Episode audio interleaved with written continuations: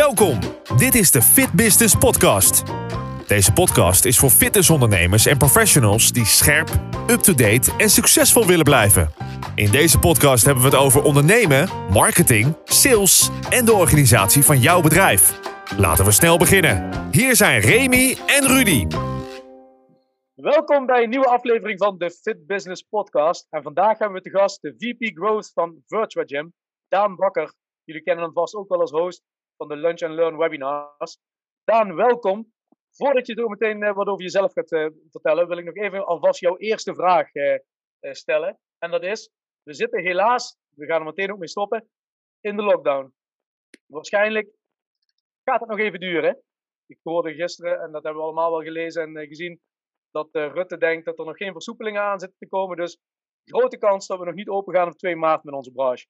Hoe zie jij de ontwikkelingen voor de rest van het jaar? En welke rol zie jij voor tech, en in dit geval dan één keer genoemd Virtual Gym hierin? Welkom Daan. Dus yes. uh, ik moet de eerste vraag beantwoorden en dan uh, voorstellen? Yes, yes. Ja, ja, ja. gewoon top. Want dan zijn we van die lockdown af. We willen van die lockdown af. Iedereen heeft er genoeg over gehoord. Eerste keer, eerste vijf minuten uit de weg en dan gaan we dan alle leuke dingen behandelen. Ja, helemaal top, helemaal top. Nou, ik heb gisteren uh, toevallig een, een live webinar opgenomen. Fit Nation Lunch and Learn met Patrick Rijnbeek, directeur van Analoctief. En uh, ja, we hadden, we hadden de hoop dat we de markt open konden gisteren, gisteren om 12 uur. Maar ja, waarschijnlijk gaat dat toch langer duren. En ja, wat is nu, wat kan je nu doen als ondernemer? Dat is gewoon het belangrijkste. En dat is, denk eigenlijk heel simpel, een aantal punten. Het eerste punt is steunmaatregelen. Zorg dat je dat je kijkt of je in aanmerking komt voor steun. Maar ook dat je misschien wat kan, bepaalde keuzes kan maken. Dat je bijvoorbeeld wel steun krijgt. Uh, we hebben allemaal verschillende regelingen. De NOW, en ik wil nu met name zitten op de vaste lastenregelingen. De, volgens mij heet die de LTV. Uh, TVL. TVL, sorry, ik haal ja. de letters door elkaar. Maar, maar dat, soort, dat soort regelingen worden nog te weinig gebruikt, kreeg ik door, door van de directeur van NL Actief. En ja, punt 2 is, hè, we gaan naar een new reality, als het ware. We hebben pre-corona, gedurende corona, dat is nu. En dadelijk hebben we na corona. Als we kijken nu naar het werken, hè, voor mijn eigen job. Pre-corona, vijf dagen per week naar kantoor. We zullen maar zeggen dat ik daar 40 uur zat, was misschien wat meer. Toen hè, hebben we corona, altijd thuiswerken. En dadelijk gaan we na corona, gaan we een, hè, als je een beetje vraagt aan de mensen met teams en met collega's, zegt iedereen, we gaan waarschijnlijk naar model twee dagen thuiswerken, drie dagen kantoor, drie dagen kantoor, twee dagen thuiswerken. Nou, ik denk dat we precies hetzelfde gaan zien voor de gyms. Uh, dat we misschien iets minder vaak naar de gym gaan. Maar die gym, hè, is, we hadden net mooi gesprekken, het is community first, commerce second. Uh, ja. Die gyms moet wel het centrale punt blijven om, ja, om die sporters te kunnen faciliteren en hun doelen te laten behalen. En die doelen kunnen zijn bijvoorbeeld afval, maar die doelen kunnen ook zijn lekker fit zijn. Of lekker in je vel voelen. En ik denk dat daar een beetje de key ligt. En ook de adoptie van technologie is ook heel erg veranderd. Als je ook al denkt alleen maar aan het werk, aan de kantoormensen. Hè? Die zitten heel erg in Zoom-calls, ook als wij nu. Uh, en die, die adoptie van tech en thuis leren, thuiswerken, dat gaat ook terugkomen in de fitness. En nou komen we bij Virtual Gym eigenlijk. En dat is wat Virtual Gym probeert op in te haken. We hebben Big Tech. Daar hebben we het haar over de Apple, uh, Amazon, Microsoft. En dan mis ik nog eentje. Nou, Google. Uh, nou, deze, hè, die hebben allemaal uh, series en die doen ook nog iets met apps. Hè. We hebben Apple Plus. Apple Plus, ja. Ja, en nou, ik zou je vertellen, Apple Plus opent een markt. Het ja. is, hè, hun hebben zelf een ik hou altijd van de Blue Ocean Strategy, ook vanuit mijn achtergrond bij Baller. Daardoor gaan mensen daarmee aan de slag. En door bijvoorbeeld zo'n Apple Health of Apple Plus, uh, ja, kan jij met Virtual Gym kan jij gewoon de concurrentie aangaan met Apple Plus. Omdat jij bij Virtual Gym koop je een app, buiten nog een all-in-one software, maar laten we even focussen op die app. Die app, die is net, die kan gewoon competen met die, met die Apple Plus. Maar die app is gebrand in de kleur en huisstijl en logo van jouw club voor jouw leden. En dat is ook weer een touchpoint in die journey. je gaat naar de gym, de fysieke gym, maar je gaat aan de slag met je stappen, je workout plan, het trekken van je eh, stappen, het boeken van je lessen, ja, eh, video on demand. eh, ja, alles in die app van die club. Want we, het, de luisteraar is die sportschool-eigenaar of sco- sportschoolmedewerker. We moeten denken vanuit die club. En hoe kunnen we mensen aan het sporten houden op de club? Hè? En nu buiten, in tenten. Een tent moet wel aan driezijdig open zijn op dit moment. Misschien eh, een goede tip. Eh, eh, dus, maar hij gaat ook zeg maar in die app zitten. Hè? Die, of hij of zij. dus dat is wel een. Ja, zie dat als de kans. En ga ook nu aan de slag. er was een les van Rudy. Ga terug naar de tekentafel. En check hoe hoe-? Wat, wat is die need van de klanten? En ja, hè, met Virtual Gym heb je een all-in-one software solution. Je hebt de coaching en apps, hè, workout plannen maken, eh, een rooster, eh, een app, eh embedded Community. community. Daar gaan we dadelijk denk ik wat dieper over in. Maar ook, eh hè, ja, ik ben me apropos af. Eh, maar, maar ook, eh, ja, maar, ja, dat soort zaken. Maar aan de andere kant ook het, zeg maar, het membership en management. Hè? Je kan zien hoeveel klanten zijn er nu actief. Eh, zijn mijn invoices, zijn mijn rekeningen betaald? En hoeveel mensen stuur ik die rekening? Hoeveel mensen zijn in de club geweest? En eh ja, hebben het afgelopen jaar bijvoorbeeld ook de corona-features gelaunched van, hè, om aan dat protocol Ja. eh, te voldoen. Waar ik best wel veel betrokken bij ben geweest, ook aan- de tekentafel. Ja, vanuit NL Actief. En ik denk dat zij daar een goede rol in hebben vertolkt om dat ja, uit te kristalliseren. Maar hoeveel doe je aan dat protocol? Nou, daar heeft Virtual Gym ook weer de tools voor. Dus ja, zorg gewoon dat je tijd bespaart en een betere hè, efficiëntie en een perfecte service. En laat software daarmee helpen. That, that, that's basically my main message. Ja, duidelijk. Hey, ik wil daar wel even op, door, op doorhaken. Ik, eh, twee dagen geleden heb ik eh, een webinar gehost met Emma Barry. En eh, ik, ik sprak daar één iemand in die webinar. Eh, en daar, raakte ik mee in de praat ook ach- achteraf aan de webinar. En die gaf zelf aan, zelf club-eigenaresse. Eh, ze zegt van ja, we zitten nu in het online verhaal natuurlijk. Je doet je best. Eh, en dan heb ik een, die, heb, zit ik in die webinar. En ook Emma hoor je allemaal namen voor- voorbij komen. En die zegt ook, weet je, die tech, hè, buiten om wat je de, de, de, de business to consumer dadelijk allemaal kan gaan leveren heb je ook nog processen die je veel sterker kan gaan maken. Hè? Daar weten jullie ook alles van.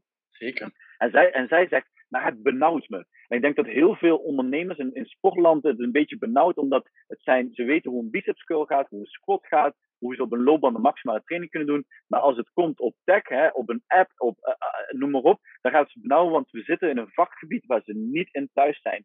Eh, waar, waar, moeten ze dan, waar moeten ze nu naartoe? Waar moeten ze op gaan letten om te zorgen dat zodra ze weer verder kunnen, dat ze eigenlijk de totaalplaatjes, zowel offline als online, gewoon super sterk als brand staan? Hele goede, hele, hele goede, hele goede vraag. En eh, ik zal even eerst een praktisch voorbeeld geven en daarna even hoe ik het zou doen. Eh, Ik zat eh, nou, vorige week om, de, om de virtuele tafel met Walter, van, Walter Vendel, de CEO en oprichter van Fit20. Ja. Heel leuk verhaal. Hij is ondernemer geworden pas toen hij de 40 was gepasseerd. En je raadt het nooit. Voordat hij Fit20 startte, was hij developer. Dus die ziet dat hele spelletje van, hè, die, die is niet de expert op de bicep curl. Nee, die komt vanuit die, hè, vanuit die tech is hij gym begonnen. Omdat hij zag, hij was in Amerika en, en daar zag hij fit binnen 20 minuten. En, het, en hij ging het zelf doen en het werkte. Dus hij geloofde in het concept. Maar hij kwam erin uit die andere hoek. En hij gaat dus, hij gaat dus meer kijken naar van, oké, welke technologie heb ik nodig om mijn leden te supporten? Dus ze hebben ook een, eh, voor Fit20 een soort eh, iets vergelijkbaars als Milon. eh, je hebt Milon en hoe heet die andere? E-Gym. Milon en Fit20. E-Gym. Oh, Ja, e-gym, ja, ja, ja. dus ze hebben een soort eh, Milon e-gym module voor Fit20 ontwikkeld. Dus ze maken je al uniek. Hè, zo is hij begonnen. En toen eh, is hij ook aan de slag gegaan met Virtual Gym. om, om, om die andere zaken te regelen. En heeft hij volgens mij nog een, daarnaast volgens mij nog een, een los CRM-systeem Zoho gebruikt. Die dan om, om eh, ja, voor die klanten in die voorfase, voordat ze lid worden. Want Virtual Gym is met name op de retentiefase. Dus daar even een heel ander, misschien niet, het directe antwoord wat je verwachtte, maar ik denk, schiet hem even anders in. Ja, en eigenlijk moet je denken, ook in mijn huidige rol met mijn team en met mijn collega's. Uiteindelijk gaat het om de customer. Hè? customer-centric thinking. En uh, ik heb mijn introducties niet gedaan, maar ik, ben, ik heb vijf jaar lang gewerkt voor B2C apps. In, uh, ja. in Israël en in Nederland. En in Israël bij apps, die hebben nu 150 miljoen downloads. De, de grootste voetbalapp in de Arabische wereld en in Zuid-Amerika en ook in Israël zelf. Dus, en daar gaat het alleen maar om. In die app denk je alleen maar van hoe kan die gebruiker van die app, het was een voetbalapp, ik ben een voetbalfan, dus uh, dat was nog leuk mm. ook. Uh, ja, hoe kan, die, hoe kan die app, die niet wat die, wat die klant heeft, de pain, die app was met name op livescores. Uh, Huntelaar scoorde goal, krijgt nu notificatie van Schalke, want hij speelt niet meer bij Ajax. Maar, dus daar ging het dan helemaal op in. En dan ga ik toch even terug naar die app, een verhaal. Wij gingen, uh, dan ga even tien jaar terug in de tijd. Nu krijg je een hele push-notificatie op je telefoon. Toen deed niemand dat nog. De Telegraaf niet, de BBC niet. Nou, wij hadden een, uh, iets ontwikkeld dat wij push-notificaties konden sturen van RSS-feeds. Dus push-notificaties eigenlijk mm. naar de Telegraaf, zonder dat de Telegraaf het weet. Nou, dat was in Israël, dus niet in Nederland, dus uh, Telegraaf uh, forget about it. Maar dat hadden we er geïmplementeerd. En toen, gingen we, toen waren wij dus van een app die alleen maar livescore deed van als voetbal s'avonds en in het weekend is. De hele 24-7, want het was altijd voetbalnieuws. Dan is die geblesseerd, heeft die een nieuwe vriendin, et cetera. Maar nu kom ik tot de kern. Wij gingen dus de soorten nieuws wat wij deden delen, was in verschillende talen en verschillende landen. Maar we hadden ook die nieuwsberichten opgedeeld in categorieën. Dus bijvoorbeeld een uh, voorbeschouwing voor de, voor de wedstrijd, een nabeschouwing, blessures, uh, roddel slash gossip. Nou, laten we even zeggen deze vier hoofdcategorieën. En we konden ook een notificatie doen naar bepaalde clubs. Dus als bijvoorbeeld de, uh, de nou, even belangrijk speler, Van de, Van de Beek speelt nu bij uh, Manchester United. Yes. Als die geblesseerd raakt, sturen we dat naar alle Manchester United fans. Of dat de aanvoerder van uh, Ajax geblesseerd raakt. Dus we konden precies zien op categorieën type nieuws en naar de clubs of landen waar we naartoe sturen, welke content het beste werkt. Je denkt, waar gaat die gast heen? Maar doordat je weet waar de eindklant op klikt en wat hij wil lezen, ga je vanzelf meer en meer die richting op. Hè? Je gaat bedenken, wat wil die klant in plaats van wat wil ik aanbieden? En uh, nou, één vraag voordat we dan uh, relevant gaan maken voor de fitnessindustrie. Misschien een leuke vraag voor uh, Rudy of Remy.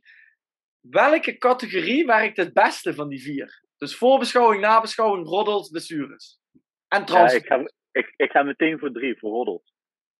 Nou, je bent helemaal goed.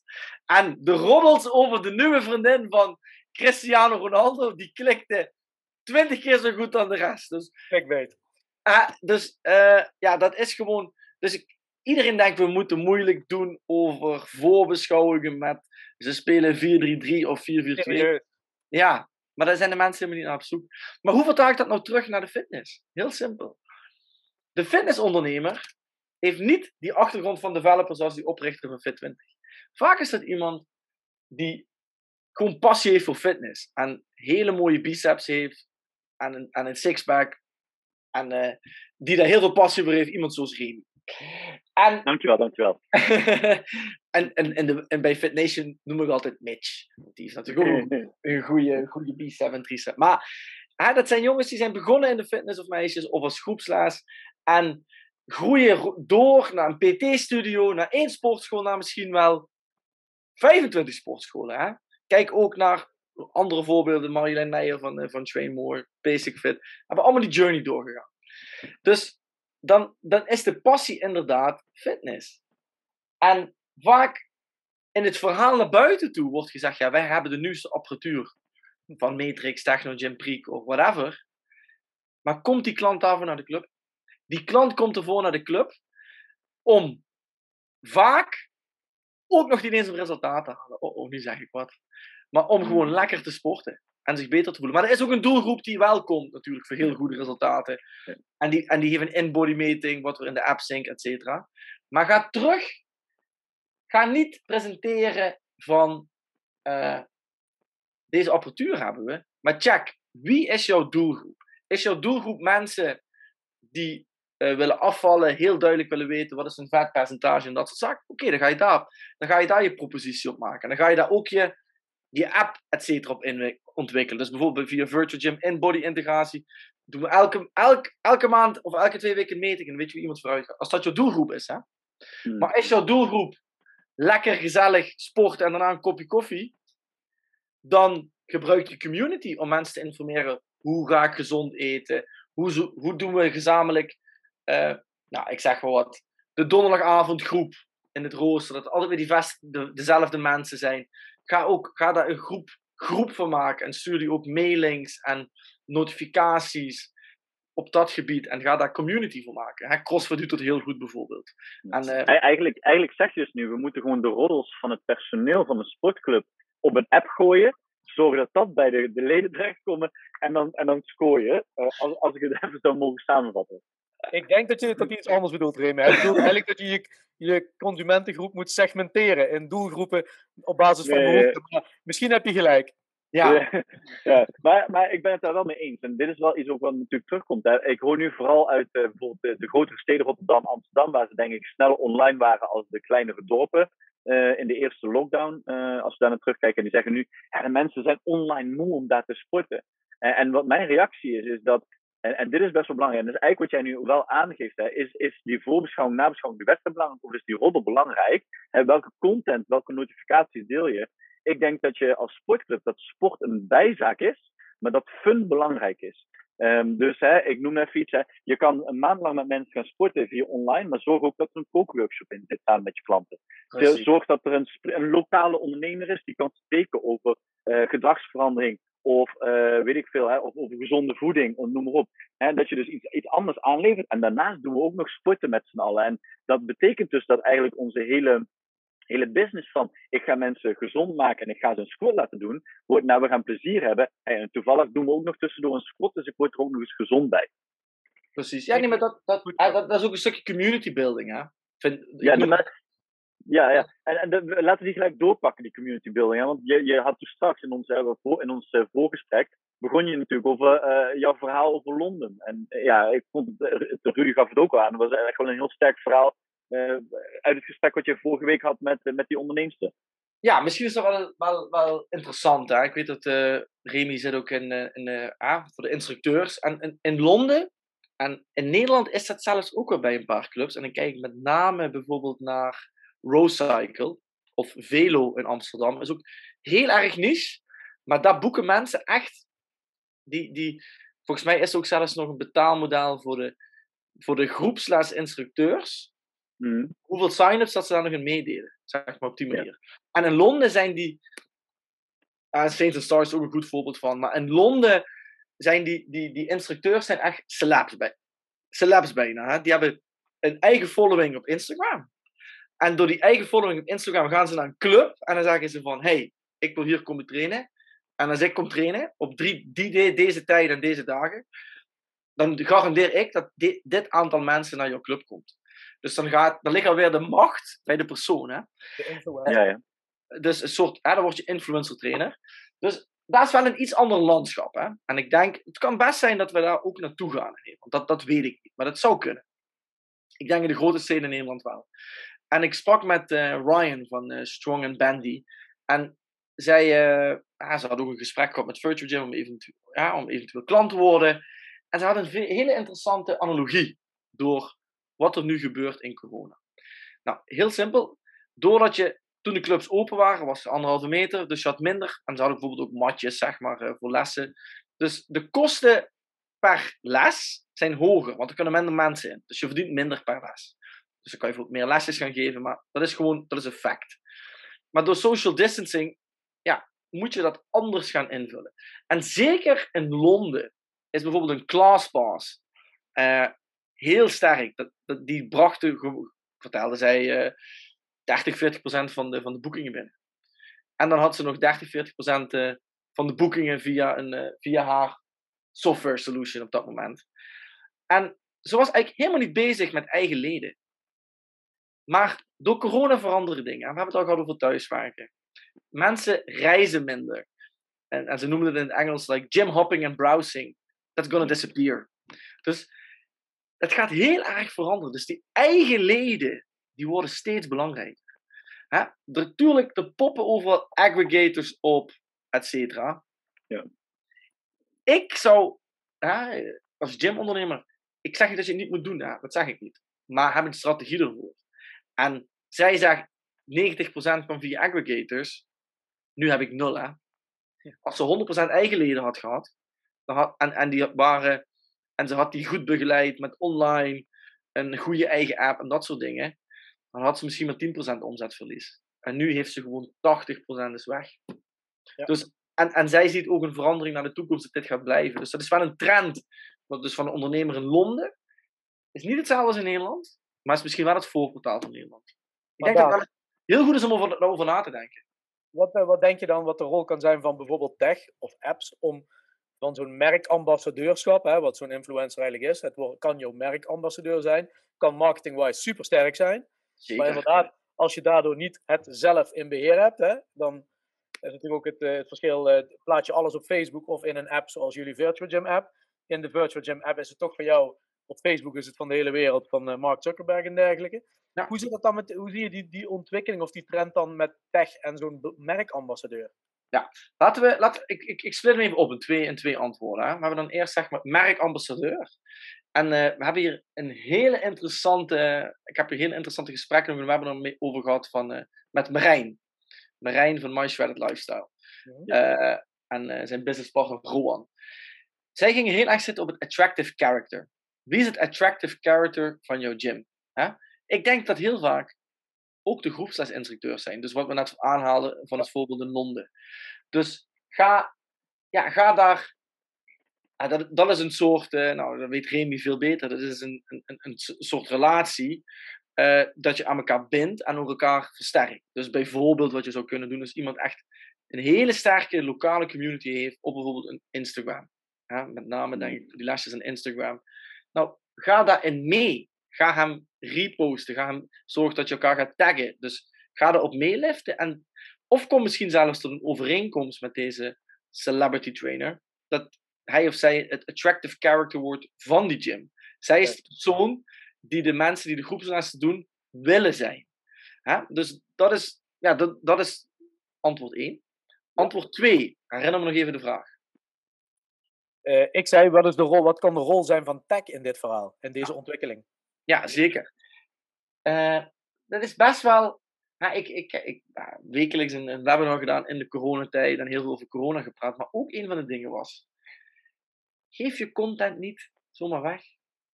Hè? Het zijn jouw. hè, pak ze in je eigen platform. Eh, eh, dus ja, misschien, of, of, of, of doe het zo. Ik, even een voorbeeld. Ik zeg wat. Je, gaat, je doet.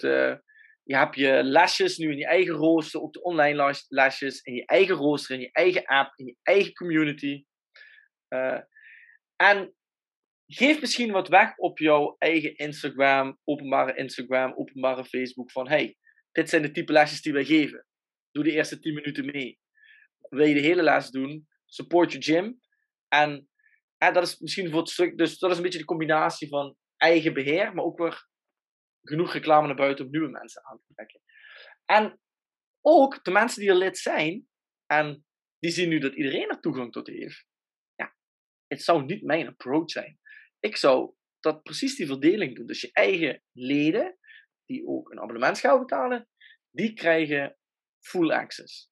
En dan moet je ook gewoon voor blijven leven. En ja, dat, en daar kan je bijvoorbeeld een virtual gym voor gebruiken als, als voor de app om, om die engagement te blijven houden. En precies ook wat Remy zei, eh cool clashes, et cetera. Gebruik je community om mensen te inspireren.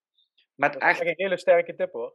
met echt toffe content. Maar, en dat is ook iets wat ik zie. Kijk, we kunnen allemaal de tools kopen. Hè? En ik, eh, ik werk bij een SaaS-bedrijf, dus ik hou van tools kopen. Maar we moeten ook content, goede content zetten in die tools. En daar, daar valt nog heel veel te winnen voor de, voor de fitnessondernemer. Om, ja, hè?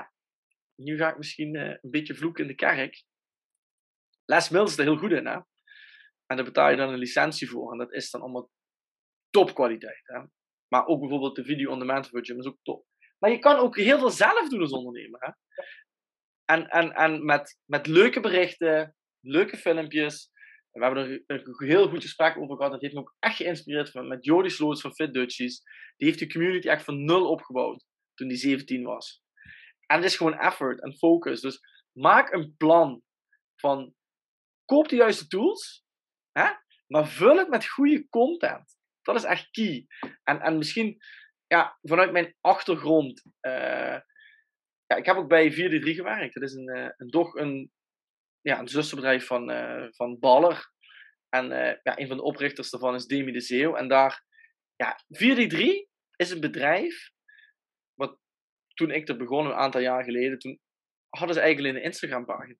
Dus die hadden een Instagram-pagina. En die, maar de content die daar werd gepost, elke post heeft miljoenen, miljoenen kijkers en likes.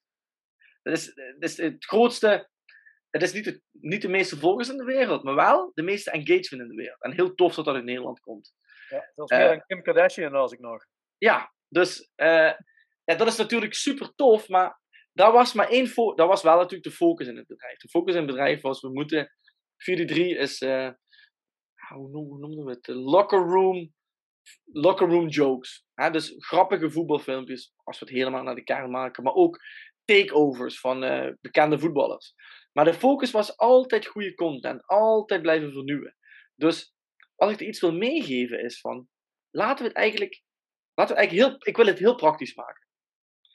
Als, en als jij fitnessondernemer bent, hè, en je hebt geen contentkalender, neem je het dan serieus?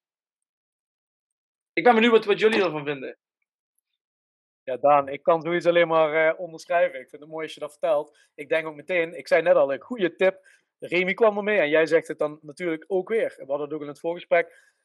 Alleen maar uh, filmpjes plaatsen met oefeningen, video's, noem maar op. Daar red je het nu niet mee. Zeker niet als we ervan uitgaan dat we nog iets langer dik zijn ik dacht ook meteen, ik was vanmorgen, zat ik in de auto. En uh, nou ja, voor, voor de centra waar ik mee actief ben, hoef ik geen reclame te maken, maar dat is Ladyline. Was ik ook aan het denken van, goh, ik wil eigenlijk toch nog iets meer. Want je merkt, hè, het sentiment ook in je, in je team. nou ja, goed, ik ben zelf wel redelijk positief gestemd, ook nu nog. Maar ja, het is niet fijn als je nog steeds niet kunt doen wat je graag doet. Je mensen live helpen. Hè? Dat is, denk, we moeten toch iets bedenken hoe we dat nog wat leuker, wat beter kunnen maken, zodat we zelf gewoon nog een beter gevoel eraan overhouden. En dat is enerzijds zorgen. We, we besteden heel veel aandacht aan educatie. Maar wat jullie zeggen, ga verder met je content. Ja, tuurlijk. Eén ding eh, is, eh, is, is wel mijn liefde, dat is social media. En vooral vanuit de strategische kant. Ik, ik, kan alleen maar onderschrijven. Maak een contentkalender. Verdeel goede uh, thema's, categorieën. Hè? content marketing thema's. En ga daarop bouwen. En zet daar ook, ik vond die attractive uh, hoe zei je nou, de attractive characters in je club, dat is ook gaaf. Het maakt niet uit hoeveel mensen je in dienst hebt. Er zijn er een aantal. Laat hun ook uh, deelgenoot zijn van die content. Al, al zeg je, uh, eh, 433 heeft takeovers van bekende voetballers. Ja, die hebben we niet.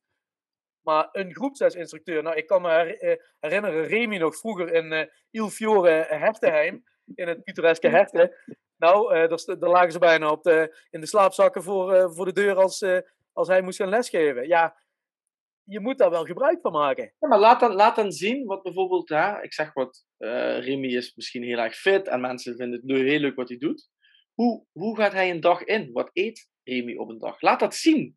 Hè? Doe, een, doe een takeover van een dag en begin van ontbijt tot slapen gaan. Wat doe je de hele dag? Show dat. En, en dan maak je daarna nog een postje van wat, die, wat, wat er allemaal is gegeten die dag. Ja. En hoeveel calorieën dat is. En waarom je dat eet. En zeker als je zeg maar dat attractive character hebt. En dat is misschien even heel simpel. Je hebt een gym waar heel veel mensen zijn die heel graag een sixpack willen hebben. Laten we dat even zo zeggen. En, we hebben een, en er zijn een aantal trainers die een hele mooie sixpack hebben. Nou, laat zien wat die op een dag bewegen, eten. Zo inspirerend. En je hebt die mensen die werken gewoon voor je. dus, dus ga daar gewoon mee aan de slag. En doe daar toffe dingen mee, weet je. En dat, als ondernemer moet je je aanpassen aan de situatie. En niemand zegt dat het makkelijk is. Maar en, en, al, dat je nu al luistert, is al een win. Maar ga er ook wat mee doen. En dat is vaak, hè, we luisteren allemaal heel veel podcasts, met hoeveel pak je uiteindelijk iets door, hè? Ja. Haal Ja, je maar maar dat- één en ding eruit en dan zou het ook gewoon dit kunnen zijn, toch? Ja, misschien. Ik heb dus nu eigenlijk zeg maar mijn, eh, mijn, eh, mijn, magische, eh, mijn magische toverstok heb ik dus nu vrijgegeven in deze, in deze podcast met, eh, met, met de, de online kook. Maar ja, eh, eh, nogmaals, het, komt nog een stukje ervaring in.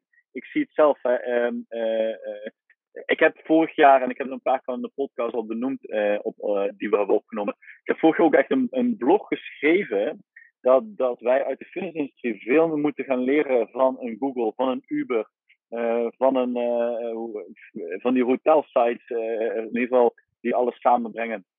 Ik, ik voorspel zelfs, en ben ik eigenlijk wel benieuwd Daan wat jij ervan vindt. Ik voorspel dat binnen nu en 10 jaar de gemiddeld aantal vierkante meters van een fitnessclub kleiner gaat worden. Waarin je 15 jaar geleden een hele grote groei zag naar die all-in concepten. En omdat nu natuurlijk de verdeling anders wordt. Kijk, als ik 2000 leden heb, en ik heb een verdeling dat ze in plaats van vijf keer per week naar twee keer per week gaan, maar thuis twee keer sporten. Ja, dan krijg je natuurlijk ook een heel andere verdeling van die vierkante meters die je nodig hebt aan de apparatuur. Ja, ik heb hier, ik heb hier eh, wekelijks een discussie over met eh, Mitch, mijn co-host bij FitNation. Hij heeft het over de individualisering van concepten. Dus eh, dat het meer specifieker gaat worden. Maar Remy, jij zegt grote clubs. Misschien nu de plus voor de grote clubs, social distancing en dat soort dingen. Ja, als je een hele kleine club hebt, kan je heel weinig mensen hebben. En er is ook een tijd geweest dat je één persoon per 10 vierkante meter is ook een tijd geweest in het protocol. Dus die kant. Maar ik geloof wel dat dat een split is, nu nog, ik weet niet over tien jaar, maar er is nu de komende tijd is er nog wel een split tussen grote Mhm. steden en eh, ja, niet verstedelijkte gebieden, denk ik. Ja. Eh, om maar een, eh, een- een- je hoort het niet, maar ik woon in Amsterdam.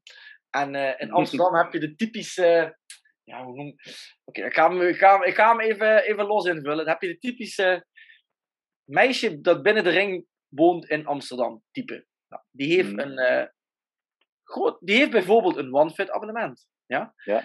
Om, eh, en met dat OneFit abonnement kan die, kan, kan die meid, nou, mijn vriendin is toevallig zo'n type, dus eh, kan die meid de ene dag yoga doen, de dag daarna een hittraining, de dag daarna een bokstraining, et cetera. Of cycle, row cycle, spinning, high-tech spinning of rowing, whatever. Maar toch, toch denk je, als ik even mijn vriendin sprak, die, die, die zegt ja, maar ik wil ook toch nog een gymabonnement ernaast, dat ik altijd gewoon lekker naar mijn eigen club kan. Dus eh, ik geloof dat je steeds meer verschillende dingen gaat doen. En omdat het dan specifiek is. Hè? Dus je gaat boksen bij de boxclub. Je gaat yoga doen bij de yoga studio. Je gaat fitness doen bij fitness. Ja, dus, dus, dus op, op, op, in die denkwijze zeg ik ja.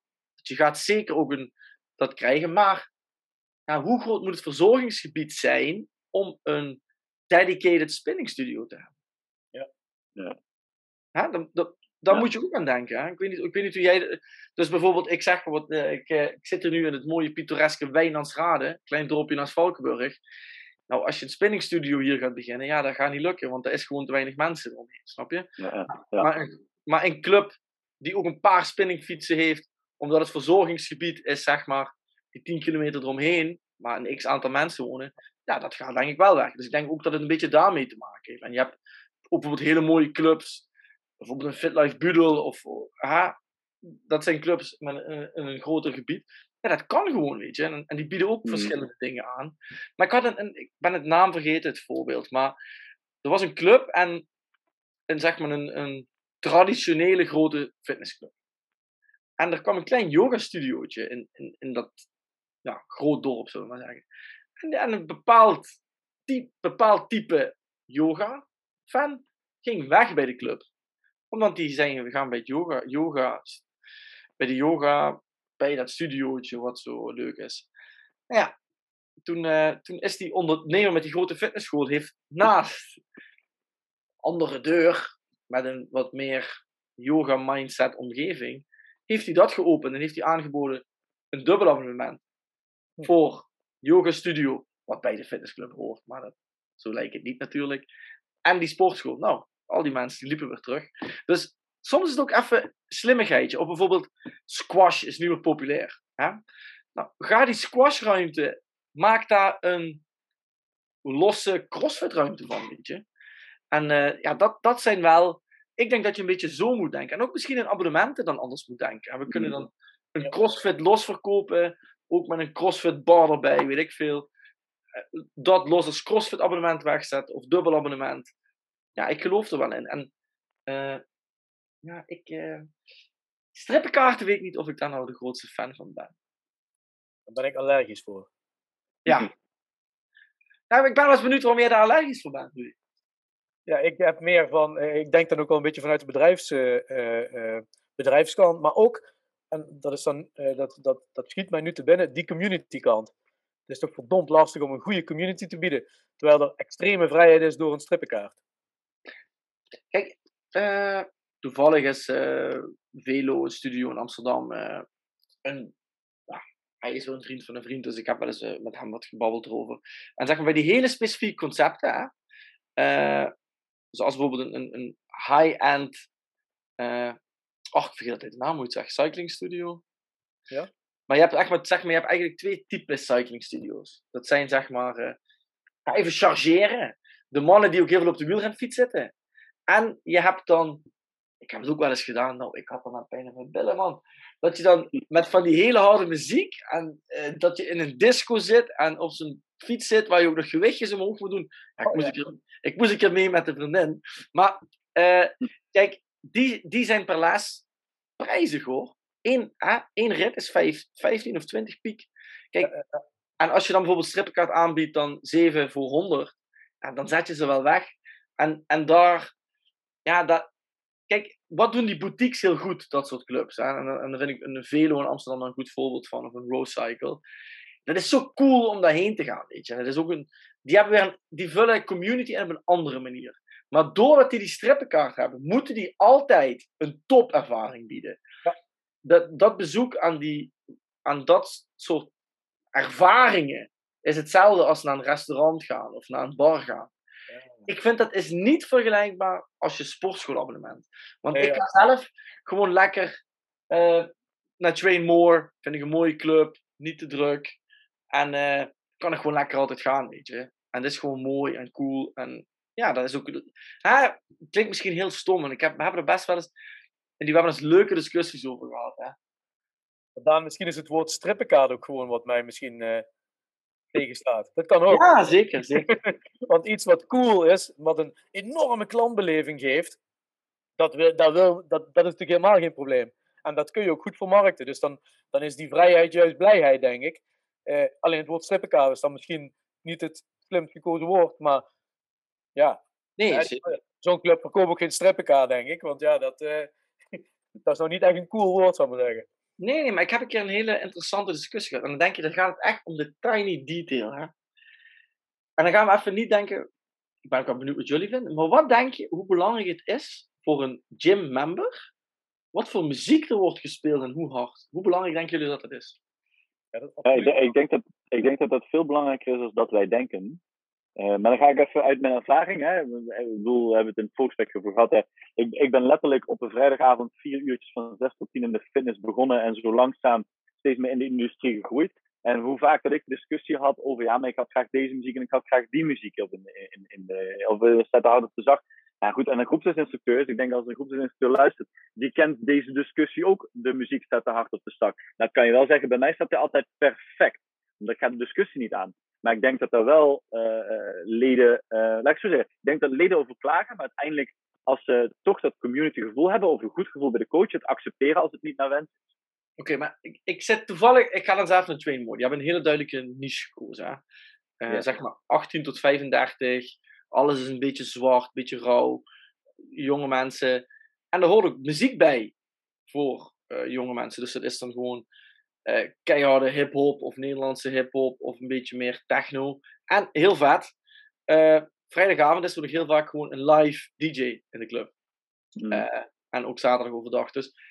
En, en Marjolein Meijer, de oprichter van, van Trainmore, vertelde mij, Daan, als nu iemand, ik, ik vond het een hele mooie opmerking, als nu iemand van 50 klaagt over de muziek bij Trainmore, ja, eigenlijk zie ik het als een compliment. Omdat, die is dan ook niet de doelgroep. Hè? Ja. En, en dat is een keuze eh, die je ook moet durven maken. En dat, ik denk dat dat nog wel misschien de grootste learning is voor de fitnessindustrie.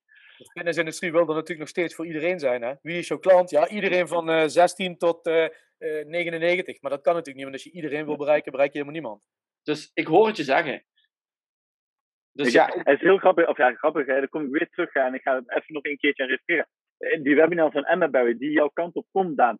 Emma zegt exact hetzelfde. Ze zegt exact hetzelfde. Je moet niet iedereen als klant willen. Je, je moet, hè, zij heeft voor Equinox gewerkt. Ja, en ze zegt, Equinox, ja, dat is natuurlijk high-end tot en top. Hè. Daar moet je uh, uh, zes cijfers uh, verdienen, wil je überhaupt een lidmaatschap kunnen afsluiten, volgens mij. Ja, en dan klagen mensen, jullie zijn te duur en dat is allemaal te luxe en noem maar op. En, ja, inderdaad, want je kan niet betalen. Dus je moet ook niet bij ons komen. En dat is even heel grof en hard gezegd. Maar ja, je focust natuurlijk op een doelgroep en dan moet je daar volledig voor gaan. Dat is hetzelfde natuurlijk met de muziek. Als je dat compliment in dit geval krijgt, hè, zo Marjolein maar ja, dat ze een compliment krijgt dat die 50-plusser zegt, ja, de muziek is niet goed. Ja, klopt. Dan hoor je ook niet thuis. Dan moet je, dan moet je naar een andere gym gaan. En ik denk wel dat dat uh, belangrijk is. En ik denk dat dat ook heel veel, als we even helemaal gaan levelen terug naar uh, de, de, de, de, de, de, de, de, characters in een club, waar we het straks over hadden. Daar maken ook heel veel instructeurs de fout. als jij les geeft, dan willen ze iedereen pleasen. En mijn mening is, nee, ik geef les zoals ik ben. En als je daarvan houdt, kom je naar mijn les. En zo niet, hey, net zo goede vrienden, maar dan ga je naar mijn collega. Want dan ben je veel beter uit. Want anders, anders, dan, anders dan ga ik altijd zeg maar, op eierschalen lesgeven. En ik denk dat daar, dat daar een heel groot verschil is. En als je dan, dan krijg je misschien ook wel de karakters. Ja, sorry, nu ga ik misschien wat dingetjes invullen. Maar gaandeweg dat ik praat, kom ik op deze dingen. Dus dan zuig letterlijk aan mijn duim. Maar dan krijg je ook de verschillende karakters. En dan kan elk karakter groeien. Die krijgt ook zijn eigen volgers. En die kan ook een club ondersteunen. Dan heb je ook niet dat je zelf je volgers op social op van alle kanten komen. goed, dan, weet je, als we, we hebben het dus nu eigenlijk over authentici, authentici, uh, zo, wat een moeilijk woord, jongens. Rudy moest VP Growth zeggen en ik moet authenticiteit zeggen. Uh, daar hebben we het eigenlijk net over gehad, hè, van, van die instructeuren, hè, of eigenlijk, je, of nu personeelsleden, een instructeur, misschien iemand aan de frontend, maar die moeten dus, die moeten dus eigenlijk zijn, als ik het goed samenvat en als ik jouw mening goed begrijp, als je e-, echt zou willen groeien als onderneming. Ja, ik vind, ik denk dat de key is om ergens voor te kiezen. Om te kiezen voor een doelgroep. En ook te kiezen voor je medewerkers, voor hun kracht en niet voor hun zwakte. Dus voor hun kracht is bijvoorbeeld, ik zeg maar wat. Ik, uh, je hebt bepaalde instructeurs die jagen de mensen aan. Hè? Sneller, harder! Kijk, ik vind dat leuk. Maar ik zit ook zelf in een voetbalteam. Maar ik vind dat leuk. En je hebt ook verschillende type instructeurs, verschillende type trainers. Maar je hebt ook andere mensen die willen wat meer, wat meer flowy hè, wat, wat dieper, denk aan je ademhaling. Dus zoek wat bij jou past hè, en, dat, en, en sta daarvoor. En, en, en power ook je mensen daarin. En kies zelf eerst, oké, wie is mijn doelgroep? Je gaat aan de slag. En wat je in het begin hebt gekozen van wie is jouw doelgroep, dat is jouw assumptie, want je, want je gaat starten. Als je eenmaal gestart bent, zie je wie jouw doelgroep daadwerkelijk is. Dus, en dat is wel vaak misschien een ding wat ook wel interessant is. Eh, die doelgroep kan evolueren. En, uh, en dat is wel misschien een hele goede. Blijf niet te standvastig. En ik heb mijn hele carrière altijd gewerkt voor start-ups en scale-ups. Pas je aan, weet je. Dingen veranderen.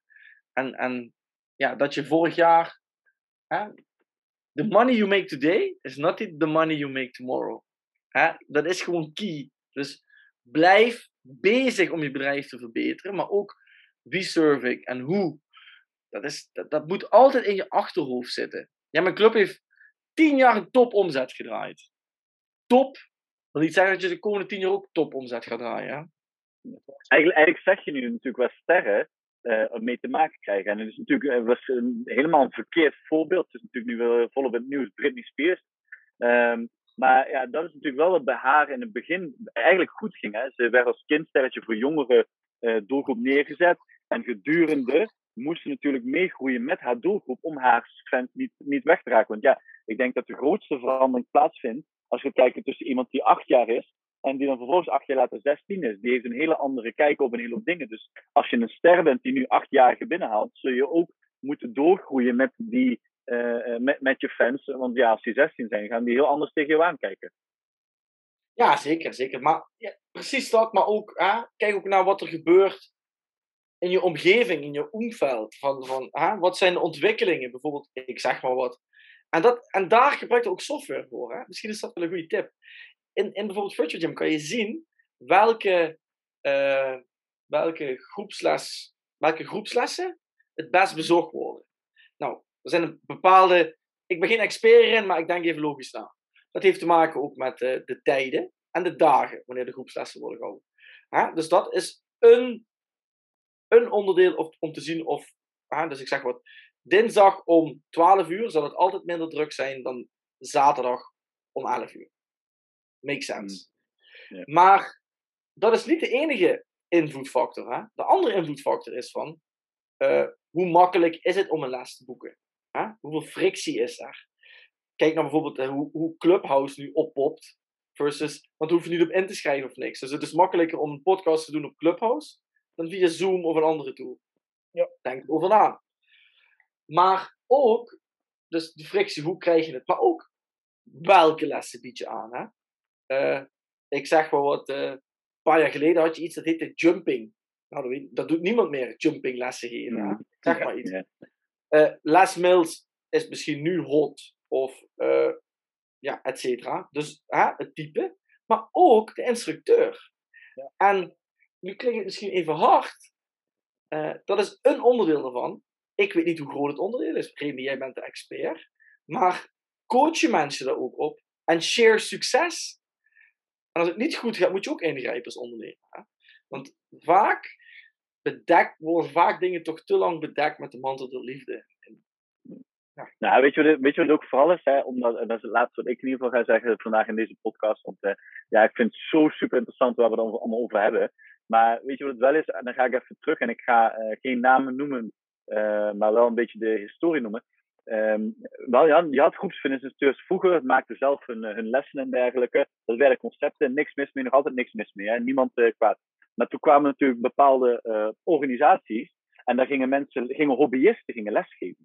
En die gingen lesgeven naast hun huidige baan als extraatje in de week. En die deden dat dan bijvoorbeeld tegenover een, in, in, in ruil voor een meet and greet of motivator abonnement noemen ze dat. Kreeg je abonnement betaald en dan kwam je lesgeven. Ja, een abonnement kostte toen wat 60 euro.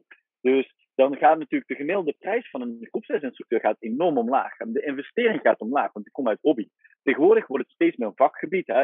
Gezondheid, we hebben het over preventie gehad. Je hebt het uh, over zoveel dingen, uh, zorgverzekeringen willen zich ermee bemoeien. Dus het is een heel ander aspect wat we nu bezien. Dus dat moet ook weer langzaam kunnen groeien.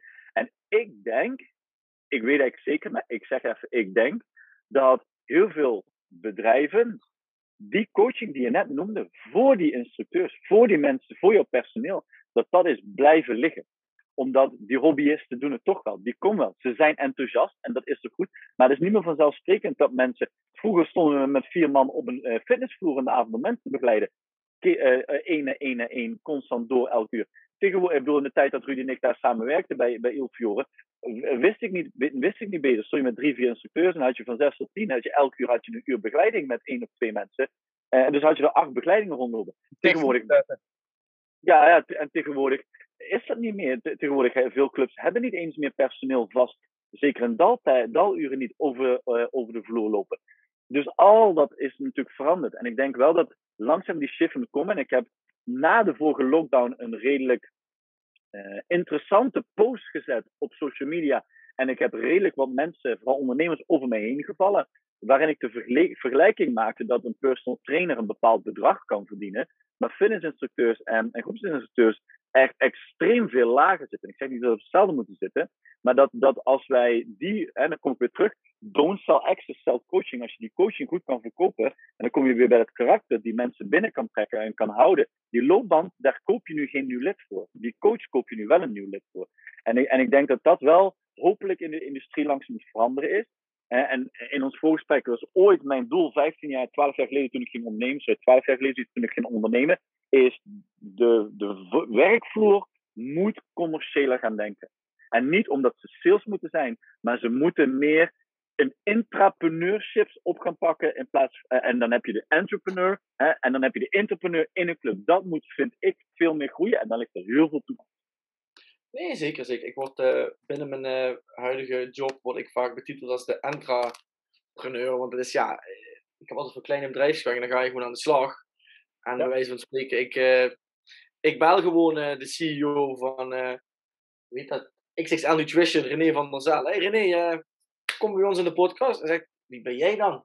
nou ja, dan maken we gewoon een verhaaltje bij, bij een Fit Nation, hartstikke leuk, net zoals de fitness podcast. En, en dat is precies wat je, wat je ook bedoelt. Hè? Als je medewerker bent bij een club, en elke verjaardag zou je bij wijze van spreken mensen enthousiast kunnen maken. Ik zeg niet dat je zo'n spot moet closen, maar hè, je, je bent altijd dat, dat visitekaartje naar, naar, naar buiten toe. En, ja, maar dat is wel ook, hè, dat heeft ook wel met heel veel met training en coaching te maken. Uh, hè, ook je, je, ja, je medewerkers. Heb je een coachingbudget voor je medewerkers? Heb je een coachingplan? Uh, ik, ik, ik ben zelf ook manager. Nou, ik maak heel graag geld vrij voor mensen voor, voor, op, om, om training te geven. Dus ja, ik zit misschien wel in de software en niet in de gyms, maar gym software. Uh, maar uh, ja, ik geloof wel, en daar hebben mensen behoefte aan. En zeker de nieuwere generatie, weet je, die verwachten ook eigenlijk gewoon van een werkgever. En zeker in deze tijd, hè. we zitten nu in een tijd dat er natuurlijk bijna niemand te begeleiden is, afgezien van de kleine mogelijkheid die er is. Ga dan nu ook aan de slag met een stuk educatie. Voorzie daar ook in. Het hoeft niet eens, als je niet denkt als fitnessondernemer, ja maar uh, het geld gaat er eerder uit dan in. Prima, maar er zijn vast genoeg mogelijkheden om te zorgen dat die educatie omhoog kan gaan. En benut de kracht van die medewerker. Hè? Want niet iedereen hoeft hetzelfde te leren. Zorg dat je iemand iets laat leren waar, ze, waar hij of zij gewoon ja, echt mee kan shinen. Hè? Want dat is belangrijk. Dat, probeer er dan maar een merkambassadeur van te maken. Nu ja, en, de kans. Wat heel praktisch misschien. Hè? Iemand die fulltime in dienst is die heeft, vind ik, recht op één uur per week een, een sessie met de manager. Om, om, beter, om te reflecteren, om beter te worden. Ja, zo, zo, nu ga ik er misschien iets hard in, maar ja, ik geloof er wel in. Uh, en ook precies wat je zegt van, mensen moeten trots zijn om bij jou te werken. En dan Juist, weer, ja. ah, ik, ik, ik, heb sommige ondernemers wat ik zelf ook inspirerend vind in de fitness. En dan kom ik weer bijvoorbeeld bij een Train More uit. Nou, die krijgen de mooiste kleding. Echt de mooiste kleding om, om, om daar te werken. En ja, die, dat is ook wel een belangrijk punt, hè? Die doen die kleding al aan en dan hebben ze, dan, dat is hun pak. Ja, als dat je advocaat bent, doe je een heel mooi pak aan. Als je bij een mooie club werkt en je hebt mooie kleding, of het nu van, weet ik veel, van Nike of Adidas of Lululemon is, dat maakt eigenlijk niet zoveel uit. Maar je moet gewoon, heel simpel, jij als eigenaar van een club weet niet wat de medewerker graag aantrekt. Je moet het hem vragen. En, en dat is denk ik gewoon key. Je moet vragen wat verwacht een medewerker van jou? Wat verwacht een klant van jou? Uh, ja, ik, ik, ik officieel niks te doen met klanten binnen Virtual Gym. Maar geloof me, ik, ik heb elke week drie belletjes met klanten. En uh, die, dan krijg ik soms ook wel eens WhatsApp, er is een bug met dit en dit. Dan zeg ik, oké, ik zorg dat mijn collega je, je, terug, uh, je terugbelt omdat ik de oplossing niet heb. Maar snap je, dus het is wel, ja. Uh, je kan een gesprek hebben en je kan een gesprek hebben. En dat geldt ook, uh, ook de, de, de sales consultants in de fitness. Het is van, je kan zeggen goedemorgen of je kan zeggen goedemorgen, hoe gaat het met jou Daan? Hoe gaat het met jouw doelen? En het kost echt Niks. geen stuiver meer, hè? maar dat is precies coaching. Altijd blijven herhalen, altijd blijven herhalen. Je strategie, je visie. Uh, bij Virtual Gym hebben we elke vrijdag hebben we een meeting om half vijf. Een drie kwartier. Waar staan we met het bedrijf? Hoe gaat het? En dat moet, dat moet die ondernemer, de, de CEO moet dat doen. Ja, en zeker nu. Anders. Nu ja, iemand... afstand, bij jullie is de afstand, maar dat is bij onze luisteraars natuurlijk ook. Zorg dat die afstand ja, vermindert. En, en nog precies wat jij zegt, het gaat om uh, coaching aanbieden. Nou, als je het hebt over big tech, even, nu even als Virtual Gym als voorbeeld uh, Virtual Gym, die gaan we even een beetje technisch worden, maar dat maakt even niks uit. Integreert met uh, Apple Health Kit en Google Fit. Ja, dat zijn ze. Dus alle wearables, bijna alle wearables, of het nu Neo Health is, of Garmin, of Fitbit, kunnen gewoon met de Virtual Gym app integreren. En de Virtual Gym app is dus niet de Virtual Gym app, nee, dat is de app van FitLife Budel. Dus je kan, als ik nu FitLife Budel ben of een andere club, kan ik gewoon, stel je nou voor, het zou een keuze zijn. Hè? En mijn, kan ik mijn leden dus op afstand gewoon begeleiden op het aantal stappen, op hoeveel ze bewegen. Ze kunnen de food loggen als ze dat willen. Dus je hoeft die mensen helemaal niet te zien. Dat kan gewoon, hè, op afstand. Moet me niet vragen hoeveel clubs ze doen, maar ik denk niet dat het velen doen. En dat is ook iets wat Jelmer Simons heel erg in gelooft. Van, moet de medewerker van een club altijd op de club zijn? Of heeft hij misschien ook een dienst om uh, te coachen de leden? Misschien een half uurtje elke maand of elke twee weken, whatever. En ga aan de slag met die wearables. Lees die uit en vraag: Oké, we hebben een plan gemaakt om 10.000 stappen te zetten per dag, per dag. En vraag dan aan die klant: je hebt geen, Nee, het gaat er niet om dat hij niet die 10.000 stappen heeft gezet. Dat is helemaal niet belangrijk. Weet je waarom gaat? Waarom heb je niet die 10.000 stappen gezet? En misschien vertelt hij dan: Ja, ik heb echt last van mijn voet. Want ik liep op het strand en toen duwde mijn vriendin me, toen ging ik door mijn enkel. Oké, je hebt last van je voet. Wat kunnen wij eraan doen? We hebben in de club, in de club zijn een fysio. En weet je dat je acht gratis behandelingen hebt bij jouw zorgverzekering? Zou ik even een, een afspraak alvast voor je inplannen? Kijk, dan, dan ben je goed. Klinkt misschien even heel simpel, maar dan ben je lekker bezig, vind ik. En dan lever je waarde op het gebied van klantbeleving. Ja. En voor je community, die hou je dan vast. Precies. Dus ga met die wearables aan de slag. Iemand wil 10.000 stappen zetten per dag. Waarom lukt het niet? Ja, misschien heeft hij indagzooltjes nodig of last van de knie. Maar verwijs hij door naar de fysio. Want die zit ook weer, als jij, zeker als je standalone, of alle clubs, hebben connectie met je fysio. Je ziet, misschien is het een interessante trend, fysio-fitness, dat gaat... Ik voorzie dat dat steeds dichter bij elkaar komt. En, en, en, en, en dus connect met... Uh, ja, veel clubs hebben al een fysio in, in de club. Maar vaak betaalt die fysio alleen maar huur. En is er geen interactie tussen de fysio-klanten Hij huurt access. Dat is hetzelfde als dan met, die, met onze leden. Hij huurt access in plaats van dat hij zorgt dat hij jouw leden coacht. Ja, maar Ik, als ik zelf een club zou hebben, zou ik, zou, zou, ja, zou ik het anders invullen. Maar dat, dat zou mijn mening. Maar alleen verhuren, weet ik niet of ik zou doen. Je kan er altijd synergieën maken. Maar dat is, dat is. Ik denk dat het heel lastig is als die fysio al vijf jaar huren en dat is er niet. Dat wordt lastig. Maar uh, als jij een club, als je denkt nu, ik moet iets met fysio doen, dan zoek een fysio die past in jouw concept en dat het een win-win is. En dat, ja, daar zijn, daar zijn zoveel kansen voor fitnessondernemers. Ik zou niet, ik, ik ben echt heel positief over de toekomst hoor. Want vitaliteit wordt steeds belangrijker. We hebben gisteren wat cijfers bediscussieerd een actief. Mensen worden inactief. Uh, nou, ik ben heel eerlijk, ik heb het deze week druk sneeuw. Uh, het kunstgrasveld is ook niet beschikbaar. Nou, ik heb een week niet, eigenlijk niks gedaan, niet gewandeld. En ik ben stiekem wel een beetje boos op mezelf. Maar ja, als ik nu een personal trainer had die mij nu zei, Daan, we gaan nu even sparren, nou, dan ging ik. Maar dat is juist die behoefte waar die mensen behoefte aan hebben.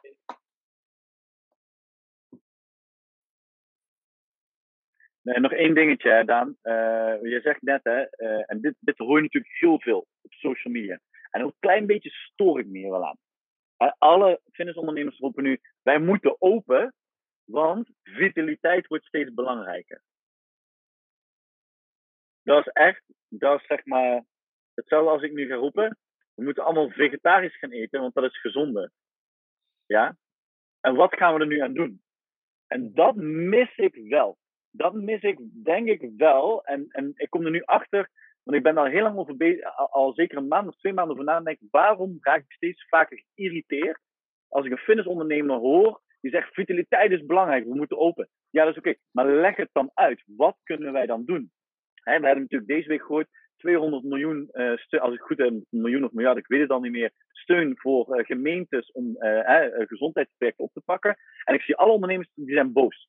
Ik zou zeggen als fitnessclub, bel nu je gemeente en zeg, hey, ik heb hier een scala aan topbegeleiders. Wat kunnen we samen regelen? En zorg dat de gemeente daar een gedeelte van aan jou betaalt. En dan vervolgens help je elkaar. Want als gemeente ben je ook verantwoordelijk voor de ondernemers in, jouw, uh, in, je gemeente.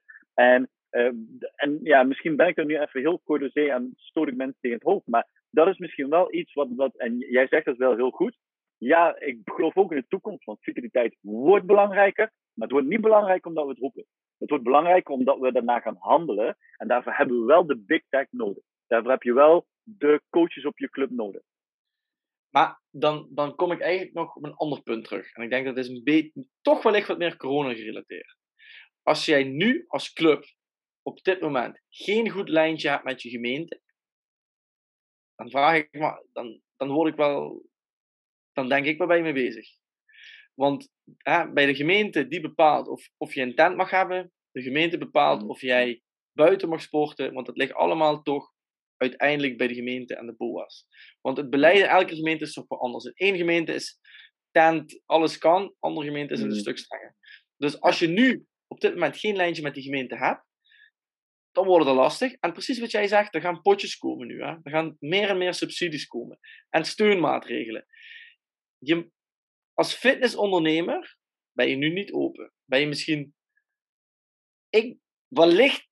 Nou, laat ik... Oké, ik, ik, ga misschien een beetje mee nu. Wellicht heb je minder druk dan voorheen. Laat ik het zo zeggen. Dan ben ik nog redelijk netjes. Dus uh, zorg dat die lijntjes goed staan met de gemeente, met de fysio, met de sportverenigingen in de buurt. Hè? Ja. Ik zeg gewoon, er mocht niet gevoetbald worden. Maar misschien had, er wel, had je wel bijvoorbeeld eh, TRX-training kunnen geven of groepslestraining. Uh, of, of, of je hebt als club misschien een buitengedeelte gebouwd. Wat, wat, wat ik denk een super kans is. Ik ben heel eerlijk, hè. Ik heb gewoon lekker liggen bootcampen buiten. Heerlijk. In de sneeuw. Hè? Als jij zeker ruimte hebt en je zit niet in een stadomgeving, ik zou ik zou een soort buitengym gaan bouwen. Echt waar. En het verdien, denk je hebt meer, misschien ben je het er niet mee eens, Remy, je hebt meer uh, vierkante meters, hè? maar er zit geen uh, gaswaterlicht op. Misschien een buitenlamp wat je kan verlichten. En zeker als er genoeg ruimte is. Ja, je hebt nu echt toffe concepten. En ik, ik, ik praat ook met mensen die komen ook naar mij van hey, ik heb ideeën over dit concept. Volgens mij HCC Benelux was, heb ik, ik ben even de naam van meneer vergeten. Maar die, die, die hebben bijvoorbeeld een soort buitengym. Wat, wat ook echt sustainable is. Want ja, ik ben geen expert op hardware, laat ik het even vooropstellen. Maar ik kan me voorstellen dat de equipment die normaal binnen staat, dat als je die buiten gaat zetten, ook al is het met een tent, ik denk niet dat het helemaal goed is voor die apparatuur. Uh, dus denk daar eens over na. Want precies wij zijn nu allemaal aan het zoomen en allemaal dat soort dingen. En we zijn meer in die app, maar denk ook van wat kan ik buiten wel aanbieden? En connect, connect de keten, hè? de huisarts. En we hebben het gisteren gehad over het analactief preventiecentrum. In die daluren gaan mensen helpen die uh, vallen onder het analactief preventiecentrum. Niet aangeboren hersenletsel, reuma. Daar zijn gewoon trajecten voor. Hè? Uh, verbreed jezelf, ga met een buitengym aan de slag. Kijk, alles kost natuurlijk investering. Maar niet alles kost geld. Hè? Investering is ook tijd. Dus om een analytief uh, preventiecentrum te worden, is, is door een administratief traject te gaan en misschien een cursus te doen. Maar je bent wel, je, je gaat nu, het gaat nooit om wat je vandaag verdient. Hè? Ook niet in een job. Het gaat erom wat je over een paar jaar verdient, of over een paar maanden. En dat is nu wel de tijd om, om echt uit te hebben. Wat zijn de kansen? Wat, wat moet ik allemaal doen? En geloof me, als gym moet je toch echt veel doen. En je moet een administratie runnen. En nu hoor je nog dat we van ons ook een contentkalender moeten maken. En dat je misschien een buitengym moet hebben. Uh, maar ja, uh, en je hoeft niet alles zelf te doen. Hè? Je hebt mensen in je teams die bijvoorbeeld expert zijn op social media. Stel je voor, je bent misschien 60 en je hebt een club en je denkt van ja, Instagram, hou maar op. Nou, er zijn medewerkers. Medewerkers van 425 die, die vinden het zo tof, die doen het gewoon voor niks, man. Ja, ja maar, maar op, op die buitenzin, nog heel kort, zeg maar. Sorry, uh, Rudy. Maar uh, ik weet, Maaike Oldeboer, Park 015, die stonden onlangs nog in het AD benoemd. En die hebben echt een mega goed park gebouwd. Die hebben gewoon een heel voetbalveld daar gepakt. Um, en die hebben nu ook nog best wel wat mogelijkheden. Dus ja, ik ben het wel met je eens inderdaad. Als je gaat kijken naar de mogelijkheden en kansen, ligt daar ook zeker een kans. Uh, we, stappen af van uh, het in een, uh, in een fitnessapparaat, hè, in een chestpress zitten, zodat er niks fout kan gaan. We zijn dan naar de functionelere kant gegaan, dat tegenwoordig iedereen dumbbells en haltestangen in de hand geeft. Dus de volgende stap is dat, dat niet alleen 20%, maar misschien wel 80% van de bevolking het, het niet erg vindt om modder aan de handen te hebben tijdens hun training. Maar ja, nogmaals, Park 015 is daar wel een voorbeeld van. Dus ik denk wel dat, ja, dat daar ook zeker kans liggen. Dus ik moet je dat wel meegeven als we het over vierkante meters hebben. Ehm, eh, dat je daar een heel goed punt hebt en uh, ja, dat ik het daar wel met je eens ben. Nou, mooi. Daan, ik denk dat we jou uh, gaan bedanken voor iets meer dan een uur, denk ik, aan, aan waarde en informatie. En we lachen er nu een beetje om, maar jawel, ehm, ik denk dat wij diverse tips hebben kunnen delen. we hebben Remy nog een magische tip ontfutseld zonder dat hij het van plan was. Dus dat is al op zich al goed. We hebben ontwikkelingen gedeeld, tips, kansen. Ehm, nou, dankjewel voor jouw aanwezigheid in de Fit Business Podcast. We kijken alweer uit naar de volgende aflevering, maar we gaan zeker nog even nagenieten van deze. Dankjewel. En, uh, en niet, vergeten, niet vergeten, Rudy zat onlangs in, voor Fit Nation bij de Lunch and Learn aan tafel. Die is als het goed is nog terug te kijken. Uh, dus uh, laat ook die, als we het over de vijf P's hebben, moet je ook zeker die nog even terug gaan kijken. Ja, heel, ik vond het eigenlijk stiekem wel eens leuk om een keer niet te host te zijn. Die, mogen, die kon ik gewoon lekker, lekker kletsen.